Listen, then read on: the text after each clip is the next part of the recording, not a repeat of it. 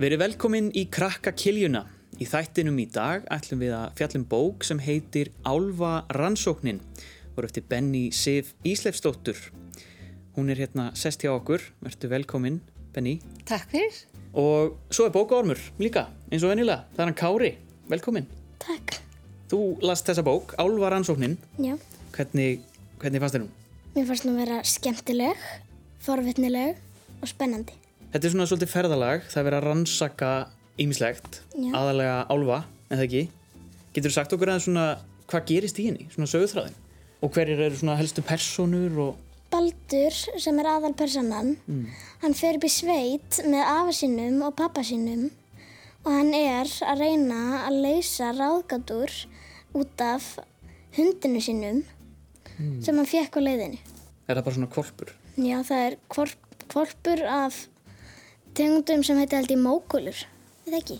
Jú, já, þetta er svona íslenskur bara uh, fjárhundur. Að afinn vildi endilega hérna, hundurinn myndi heita mókolla. Já. En Baldri fannst það ekki vera nógu flott nafn og valdi annað nafn.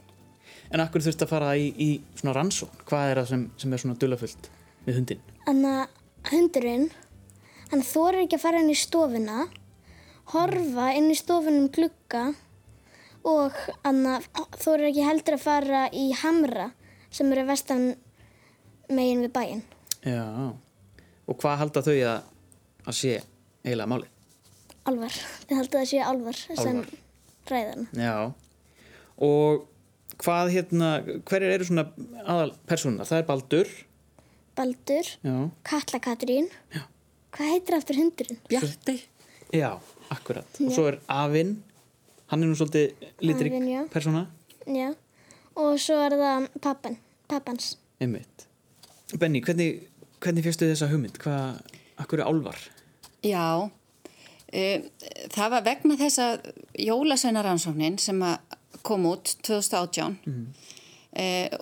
hún byggði á, á svona brasi í, í sinni mínum og vinum hans þegar þeir voru svona aðtöða hvort að álvar, nei, jólasveina segi væri til. Til, og þar sem ég var nú svona komið með það í, í, í hendurnar og, og, og það var, var komið út þá ákvað ég að fylgja því bara eftir með því að, taka aðra gerð af þjóðsagna verum sem eru álvar og hérna og það vildi nefnilega svo skemmtilega til að vina fólk mitt eða okkar fjölskyldunar uh, fyrir nokkrum árum lendu í því að, að uh, eða þau lendu í því þau keiftu sér gammalt hús og gerðu eins og í bókinni stækkuðu uh, húsið og með því þá voru þeir eitthvað að greinilega verið störa að ruggla í svæði álfa sem var þarna fyrir utan og, og það er svona komið upp ímis vandamál í framhaldinu sem er svona svolítið svipað og sagt er frá hérna í sögunni þannig að þetta er svona er byggt á mjög raunverulegum atbyrðum fyrir þessa fjölskyldu sko. En það átti sér að vísu stað bara í Kóbói en ekki út sveit Já. En álvar eru líka allstaðar. En álvar eru nefnilega allstaðar. Álvar virðast vera svolítið, og þeir hafa lítið breyst í gegnum tíðina. Þeir svona gera vart við sig oft, sko, þar sem að bara svona mennirnir er að tegja sig, sko, yfir á þeirra yfir, yfirraðasvæði, Já. yfir í náttúrun og þar sem þeir vilja vera. eins og þeir eru að byggja vegi eða brýr Já, og... nákvæmlega. Já. Og, og, og stundum byggja hús eða Byggja hús, stækka já. hús. Já. Þá að kannski hafa álvarnir átt einmitt land þannig að rétt fyrir utan húsi og svo það bara allt í hennu stækkað yfir og þeirra yfir að svæði og þá er þeir stundum ekkit kátið með það. Þannig að þeir eru svona, við sama heikarsörni hvað þetta varða, þeir eru svona verðir náttúrunar Já, akkurat. Og svona umhugað um að halda umhverjunu svolítið hugulegu Og hreinu. og, svona, og reynu. Já. Já. Kári, vissir þú mikið um álfa áður nú last bókina? Það er eitthvað, Ekkert svo rosalega mikið, nei. nei. Fannst þú að læra eitthvað um, um þá í þessari? Já, Mm. Hvað fannst þér svona merkilegast? merkilegast var þarna um, í endanum þegar það kom saga af ömmans Bjössa. Já, já, Mm. Þá var hún að vinna á bæ við að sauma og var alltaf alveg að sopna því að þau átt að vera að gera þetta um kvöld eða nótt. já, bara um, um, um kvöld sko. Já, og þannig að en svo kom álf, ál, álfamaður til hennar og bana um að koma með sér og taka á móti barninu hjá konin hans. Já. Og konan hans launaði henni fyrir það með gullskærum sem stóð á KK sem eftir nafnið hennar. Já. Katrín Karlsdóttir. ekki? Jú, Það er þetta er mjög góð. Já. Algjörlega. Og svona sögur eru nefnilega nokkrar til, sko. Þar sem að um, komið er til oft hvenna, þar sem þær eru, eru sofandi og þeim finnst eins og þessi að dreyma, en þær fara með oft hérna álfa karli emitt, eða huldumanni, og, og vitja konu sem er, í, í, hérna, er að fæða barn Já. og hjálpa þar til. Svo vakna þær til og uh, vakna þær heima og þá er oft svona einhver sönnunagögn eins og í þessi tilfelli skærin sem að styðja svolítið við þessa sögu að þetta eitthvað skríti gerðist. Þannig að þetta er svona einhvern veginn á milli drauma og raunveruleika og svo fá, fær fólki svona smá staðfestingu á því að þetta var kannski bara ekki draumur. já, Það er svona... það eru margar svona sögur til Já, í gömlum þjóðsögum og, og svo einmitt eins og, eins og hérna þá er þetta byggt á nýri álfasögu Já. einhverjum atbyrðum sem urðu í lífi fjölskyldi í Kópavogi og, og uh, sem að réðu svo í framhaldinu af, af þessum uppákomum heima fyrir Mhm. um, þannig í að mjög líklega hefðu þau farið þarna inn á yfiráða sveiði álfa og stugga við þeim og, og þannig að þau segja núna að þau eigi mjög erfitt með að segja að álfa sé ekki til. Já, einmitt. Ha, Kári, varstu einhvern tíman svona smá hrættur við álfana? Eða, Nei, en var spennan ekki svolítið að fá að vita hvort að þeir væru til? Sérstaklega í partinum hann sem hann var týndur í þókunni uppi hamrann hann Baldur. já. Einmitt. Þeir, búa, þeir eru svolítið oft í þokunni. Núna. Já, það er eins og við verðum allavega svona meira meðvitið um þá þar Já. á þessum skilum svona þegar við erum kannski líka svolítið hrætt og þá erum við svona opnari fyrir Já. möguleikum. Já, já. Trúur álfa? Já. Já, já. Það ég held að sé ekki annað hægt. Nei,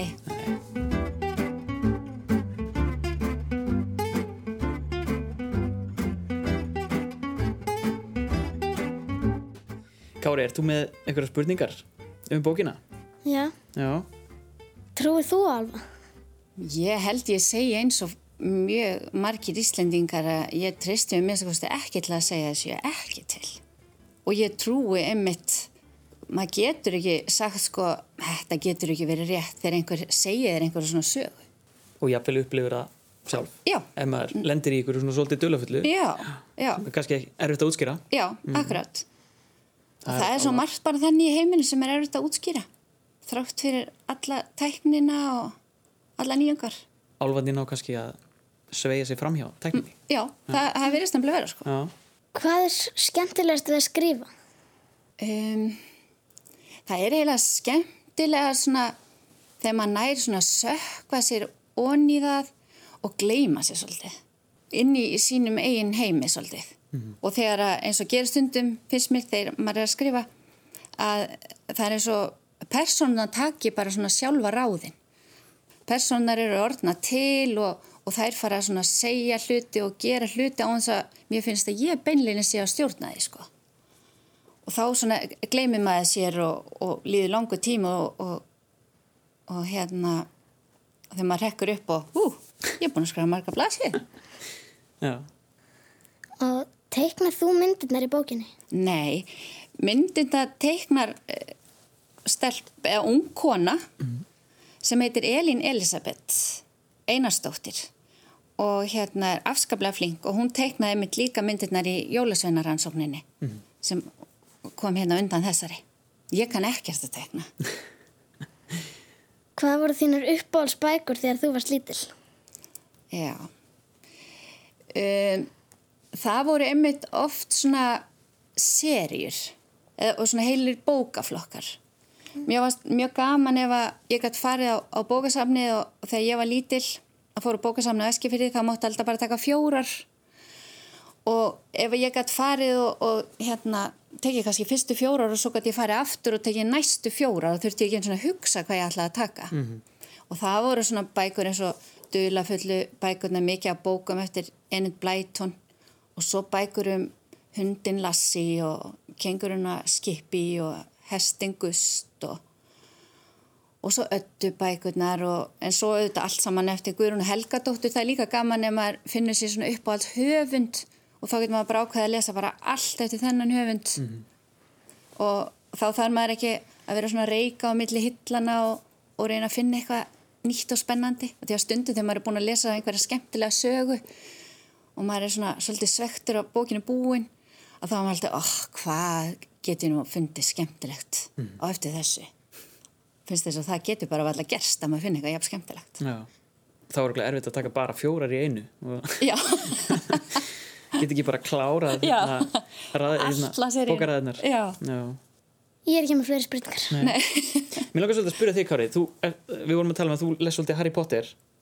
Ertu, ertu mest að lesa svona ævintýra bækur? Já. Er það langt skemmtilegast? Já. Já. Það er ekkert annars að gefa þetta greina. Jú, líka svona eiginlega rannsóknir. Svona rannsóknir? Já, eins og þessi? Rannsóknir, já. já Þannig að þetta er bara akkurat Og svo svona goðafræði myndið svo að segja okkur á þann Já, ég list það líka. Já, já. það er náttúrulega svo stór og mikil heimur. Norræna goðafræðin og svoleiðis Og það er svo mikil spenna í því. Já, mm -hmm. já. Og það er einmitt svona stór og svolítið flókin heimur já, svona, sem maður þarf að þekkja til þess að geta eiginlega lesið sögurnar að þekkja svæðinn og, og þetta goðinn og... Já, já, einmitt, það er mjög skemmtileg eins og mér heyrðis Kári kunna þetta allt saman bara upp á tíu sko. Já, er það ekki? Jú, ekki alveg allt Já. en mikið jú Já, algjörlega Þú ert alltaf að lesa, allavega uh, Eigum við vona á fleiri rannsóknum? Ekki svona... allavega nú þess ári Nei Nei, nú er ég er að koma út eftir mig uh, sérst, önnur skáltsaða fyrir fullorna fyrir Já. jólin mm -hmm. Þannig að það verður ekki annað á þessu árum En það væri margt hægt að rannsaka? Já, og það eru mun fleiri þjóðsagna verur það er einmitt, geti verið skrýmslaransókn og tröllaransókn mm -hmm. sem dæmi Já Eða kannski að byggja Benny um að lesa brot úr álvaransókninni? Já, Já. Hvar eru við stötti í? Já, ég var sem að lesa hérna annan kabla, eða byrjunum á öðrum kabla mm. þar sem að hérna Baldur er sérst að leggja af stað austur í sveitina yeah. með pappa sínum og afa mm. og er deginum áður búin að vera að pakka niður með hjálp mömmu sinna sem er alveg að andast úr áhugjum yfir því að hann sé að fara í sveitina og henni finnst hann alltaf að vera að fara einn af því að hann er bara að fara með pappa sínum og afa og hún treysti þeim ekki alveg mm -hmm. og annar kabli heitir austurferð og óvæntur ferðafélagi. Keiriði varlega, elskurnar, er það síðasta sem Baldur heyri mömmu sína kalla. Sjálfsagt veifar hún þeim líka og kannski grætur hún smá, bæð af áhyggjum og söknuði. Baldur sér það ekki, fyrir hann er sjálfur tárvotur um kvarmanna og grúfur sér þess vegna ofan í kollina að orna apa og hálsmálið á nýju flýspeisunni sinni og þurka sér síðan um nefið og augun með annari erminni. Það er erfitt og leiðinlegt að kveðja, Leiðinlegt að hvaðja vini sína en erfitt að hvaðja stóru sýstu sínar og mömmu sína. Sérstaklega er erfitt að hvaðja mömmu sína. Og þegar Baldur er loksins búin að jafna sig eru ermatnar á nýju flýspeisinu og orðna blöytar og svolítið klístraðar og árni abit aldrei lufsulugur á hausnum. En það hlýtur að lagast þegar hann þornar. Átt ekki þurrku handa drengnum? spyr Afi þegar þeir eru að keira út á bænum. Hann gramsar í hanskahólfinu eftir tissjúi en finnur ekkert nema krumpu pilsubrif og gamla bíómiða. Ætlan hressist ekki á fyrsta stoppi, svara pappi spámanslegur og horfi kankvís á Baldur í baksinspiklinum. Hvar stoppum við? Langa Baldur að vita og hugsa með sér að kannski ætli pappi að stoppa í bakaríi og lefa honum að kaupa snúð með karamelluglasur. Nefna þá að þið noti tækifærið og kaupi pilsu og kók fyrst mamma er ekki með þeim. Það kemur í ljós, segir pappi leindadómsfullur og blikka Baldur í baksinspiklinum en afi snýr sér sérstaklega við til að geta blikka beint framann í hann. Ég segi ekki orð fullir þér afi ákveðin, en bætir því samt við að Baldur minni tvímæla löst taka gleði sína innan skams og ef hann gráti þá verði það á gleði. Ha, gráti af gleði, endur tekur Baldur og getur ekki ímynda sig hvað þetta gleði hann svo mikið að hann fara að gráta af gleði. Hann er því vissulega kátur að fá pilsu og kók en hann myndi samt ekki grenni við því. En sama hvernig Baldur suðar þá svara afi og pappi engu. Þeir brosa bara lindadónsfullir og afi sönglar. Það sem forvitin má ekki vita. Þá hann gæti Baldur gefst upp og veit ekki alveg hvort hann á að vera spenntur yfir þessu leynilega stoppi eða full yfir að vita ekki hvar þeir að stoppa. Mest er hann samt full. Hann sakna mömmu sinnar og finnst karlanir í framsætunu óþarlega hressir og einlega bara beinlínus pyrrandi. Kanski er ekkert gaman að vera með þeim tveimur á stórabóli. Kanski það hann bara átt að vera heima. Þar geta hann þó leiki við Elias og Hjört á meðan mamma og sýsturna veri í vinnunni en í sveitin er hann kannski aðleitn og einmanna og pappi og afi er þau bara uppteknir að smíða og mála og töluð um eitthvað leðinlegt eins og núna um gengisfall og verðtryggingar. Hvernig er að hlusta á það? Næst myndið er öruglega að rífast um upp á alls fókbaltaliðin sín. En pappi, hvað voru þið afeila að tala um í gær? spyr Baldur fílulega og tala líklega bæði of óskipt og of látt til að pappi heyri í honum. Allavega heldur pappi bara áfram að nexlast á vöxtun sælabankans og afir histir höfuðu til samþykis, alveg af nexlaður. Baldur endur tekuð því spurninguna, mun hærra en álíka fílulega og næra aðtegli pappa. Já, nú fyrir við að stoppa vinnur, svara pappi og heldur áfram að tala um læknum stýrivaksta, en Baldur grýpur fram í. Ég er ekki að tala um það, mér er alveg sam um þetta stopp.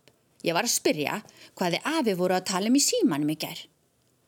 Ha, við, að við bara, eitthvað ég veit ekki, öruglega ekkert merkilegt. Þvælir pappi og þykist ekkert vita hvað Baldur er að tala um. Það sem fórviti má ekki vita, sönglar afi og heldur ábyggilega að Baldur hafi enn verið að spyrja með þetta blessaða stopp. Það var eitthvað sem við mamma máttum ekki heyra. Staðhæfir Baldur og rífur sig úr nýju flýspeysunni sem mamma vildi endilega kaupa á hann og er með þjóðlegu íslensku lópapeysuminstri. Hún með allt og heitt. Já, var það ekki bara eitthvað um framkvæmdirna fyrir austan? spyr pappi og, og horfir á Baldur í baksínspeklinum og heldur í fram að þeir tengdaföðgarnir hafi bara verið að spá í pallasmíðina eða svalahandriðið.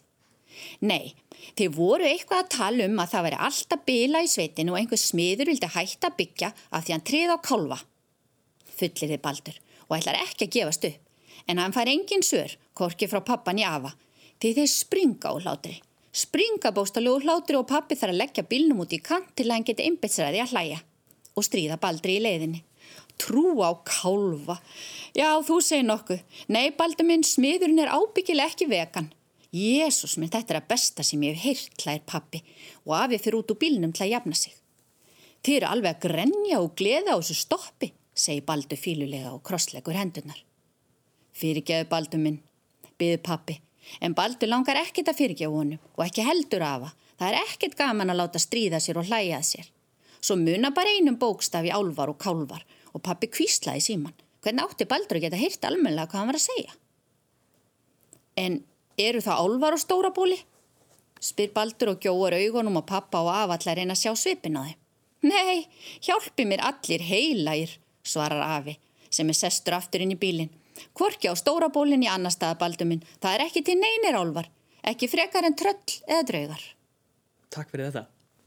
Við Kári býðum allavega spenntir ef að verða fleiri rannsóknir, til dæmis á tröllum Já. eða draugum Já. eða bara hverju sem er. Já. Þannig að En við verum eiginlega við verum eiginlega að segja þetta gott í dag í Grakkakiljunni. Takk kjærlega fyrir að koma í þáttinn, Benny Takk fyrir. og Kári. Takk fyrir að koma og lesa. Takk fyrir. Þið megið endilega senda okkur línu eða viljið koma og vera bókaormar í þættinum á krakkarúf hjá rúf.is og segja okkur í myndbandi af hverju þið myndið vilja vera með og aðeins frá uppáhaldsbókin ykkar. En þetta er bara komið hjá okkur í dag. Takk hjá það fyrir. Verðið sæl.